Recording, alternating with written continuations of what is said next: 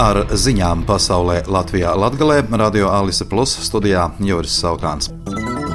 Pēc tam, kad Krievijas opozīcijas līderis Aleksējs Navaļnīs pagājušajā nedēļā nomira cietumā Krievijā, Amerikas Savienotās valstis plāno noteikt sankcijas pret vairāk nekā 500 mērķiem, kas iesaistīti Krievijas karā Ukrainā. Tā būšot lielākā sankciju pakete kopš Putina tālāka iebrukuma Ukrainā sākuma, paziņojusi ASV Finanšu ministrija.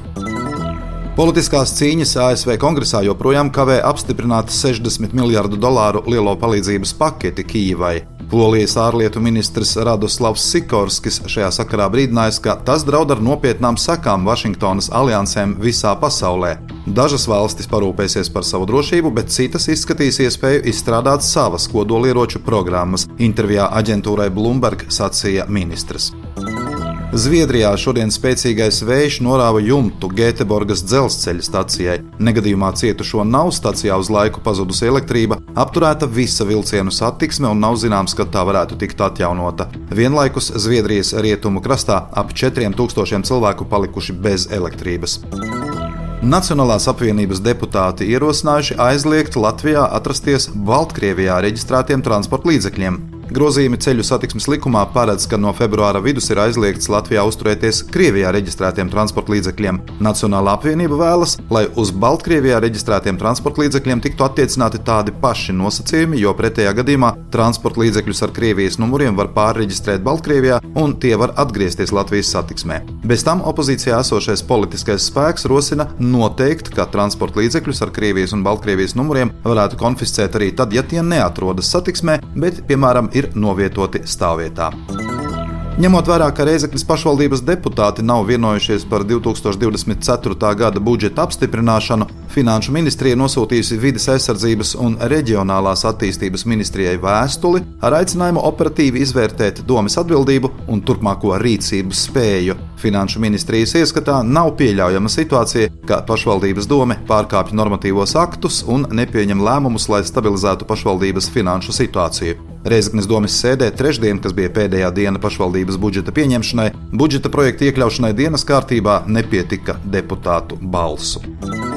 Neraugoties uz šā gada valsts nostāju, kad pašvaldībām tiek deleģētas jaunas funkcijas, bet ne nauda to īstenošanai, Daugopilī tomēr izdevies nodrošināt finansējumu vairākiem projektiem. Kopējais finansējuma apjoms komunālās saimniecības pārvaldē paredzēts gandrīz 13 miljonu eiro apmērā. Jāatzīmē, ka būtu gan nepieciešami vēl pāris miljoni, lai varētu strādāt pagājušā gada līmenī.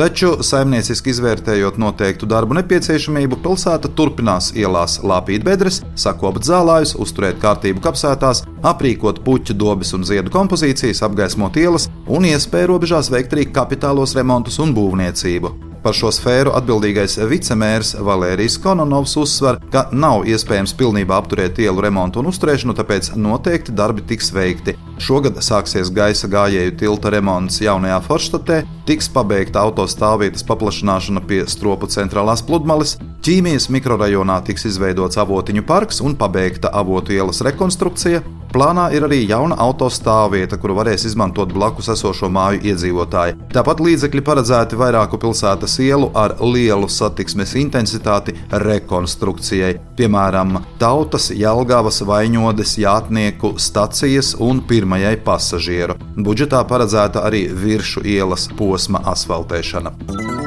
Martā sāksies Latvijas futbola virslīgas čempionāts. Tas noritēs četros apļos, 36 kārtās un ar desmit komandu dalību. No 8. marta līdz 9. novembrim kopumā tiks aizvadītas 180 spēles, BFC Daugopils komanda savu pirmo mājas spēli aizvadīs 16. martā, 2016. stadionā Esplanāde pret čempionāta jaunpienācējiem Grobiņas SC LFS. Protams, visi futbola līdzjutēji tiek aicināti būt aktīviem un atbalstīt Daugopils komandu klātienē gan mājas, gan izbraukuma spēlēs.